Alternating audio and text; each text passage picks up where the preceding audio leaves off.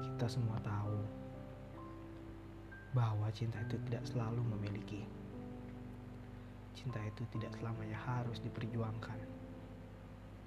Di saat waktu kita mencintai seorang, kita haruslah siap jika semua tidak berjalan dengan semestinya.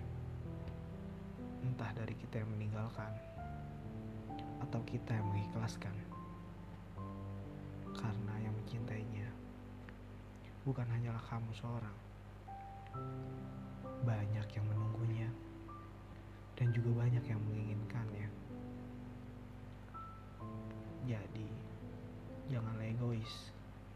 Cobalah untuk berdamai dengan diri sendiri dan cobalah untuk mengikhlaskannya. Sebagaimana yang kita tahu, melupakan orang yang sangat berkesan untuk hidup kita sangatlah sulit. Tapi, jika mencintai seorang itu, lakukanlah. Itu akan membuatnya senang. Dan itu pilihan yang sangat tepat. Karena kamu pantas untuk bahagia dan sangatlah pantas untuk dicintai.